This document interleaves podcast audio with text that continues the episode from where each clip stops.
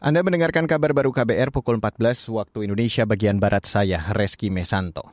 Saudara Presiden Joko Widodo menekankan pentingnya penyuluhan terkait asupan makanan bayi dan ibu hamil yang berkualitas. Hal ini ia sampaikan merespon berita bayi berusia 7 bulan yang diberi minuman kopi susu kemasan oleh sang ibu.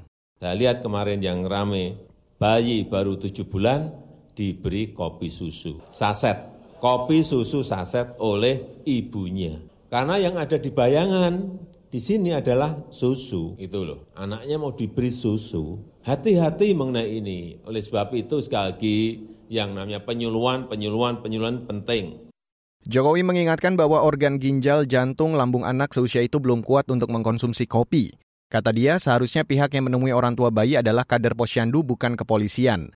Jokowi menekankan kualitas keluarga dan sumber daya manusia atau SDM menjadi kunci bangsa bersaing dengan negara-negara lain.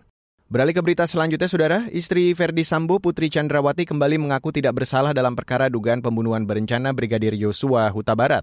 Klaim itu disampaikan Putri saat membacakan nota pembelaan atau pledoi di Pengadilan Negeri Jakarta Selatan siang ini. Penegasan itu merujuk pada kronologi yang disampaikan para saksi, rangkaian peristiwa dan fakta-fakta persidangan.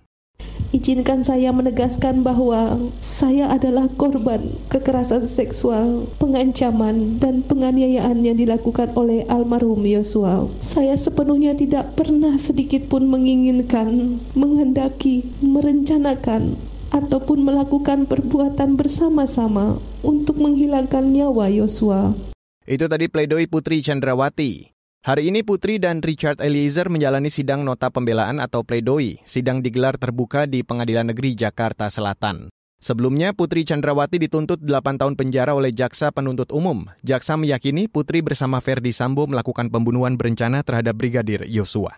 Saudara realisasi anggaran Kementerian Perindustrian atau Kemenperin pada 2022 melampaui target. Sekretaris Jenderal atau Sekjen Kemenperin Dodi Widodo mengatakan, Realisasi anggaran tahun lalu mencapai 98 persen. Meski begitu, Dodi mengingatkan seluruh unit di Kemenperin untuk terus meningkatkan kualitas anggaran. Seperti tadi saya sampaikan, 98 sudah tercapai, tapi kualitasnya. Dan ini menjadi PR dan capaian ini menjadi hal yang baik lagi karena merupakan capaian tertinggi dalam 10 tahun terakhir. Selain itu, kita juga bersyukur pada tahun ini untuk ke-14 kali ya kita mencapai mempertahankan opini wajar tanpa pengecualian WTP dari BPK. 14 kali. Bukan hal yang mudah mempertahankan untuk WTP. Dodi menjelaskan fokus anggaran di Kemenperin digunakan untuk tiga kegiatan prioritas, antara lain untuk program pendidikan dan pelatihan vokasi yang fokus pada kegiatan pelatihan tenaga kerja industri kompeten melalui Diklat. Demikian kabar baru yang dipersembahkan oleh KBR, saya Reski Mesanto.